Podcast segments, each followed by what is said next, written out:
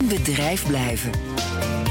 Universiteiten zijn dicht, maar studenten in Eindhoven kunnen thuis practicum doen. Daar praten we over met Maarten Bouwhuis. Maarten, goedemorgen.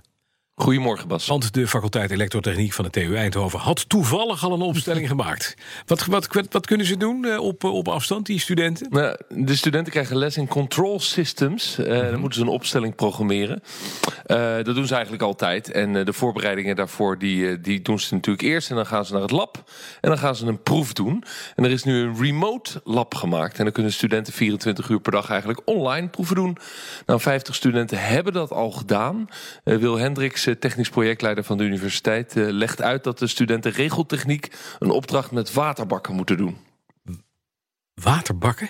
Een drie-tanksysteem, maar je hebt drie vaten die met kleppen verbonden zijn. En dan heb je twee pompen die water pompen in, in die vaten.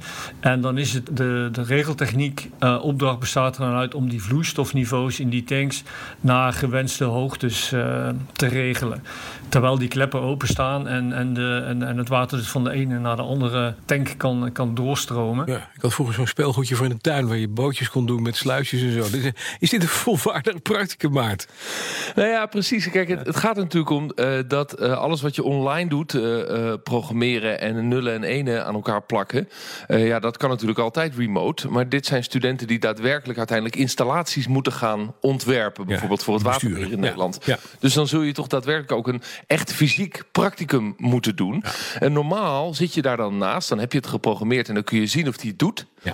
En, en, daarom hebben ze bijvoorbeeld camera's geplaatst om dan echt te kunnen laten zien dat die installatie ook doet wat jij geprogrammeerd hebt. En dit is speciaal voor de corona tijd gemaakt? Of dat, je zei het al, Je zou het bijna zeggen, maar dat is dus niet het geval. Uh, ze zijn hier al een jaar mee bezig. Uh, subsidie gekregen van de universiteit om het groter te maken. Maar ze zijn aan het versnellen. Ze hadden eigenlijk twee kleine pilots gepland. Maar ze gaan nu de komende acht weken uh, al aan de slag met 300 studenten. En het afhankelijke doel was eigenlijk om vooral flexibiliteit te bieden aan de studenten als je op een bepaald moment eh, zeg maar voor een practicum in een lokaal moet zijn, een bepaald tijdstip, dan ja, is dat niet flexibel. Uh, maar als je, je practicum zelf kunt eh, beslissen wanneer je daar klaar voor bent en wanneer je daar focus voor hebt om het dan te doen, dan wordt dat uh, door studenten meer gewaardeerd. Enerzijds de grote studentenaantal en het beschikbaar stellen van veel experimenteerruimte. En anderzijds het inbrengen van flexibiliteit.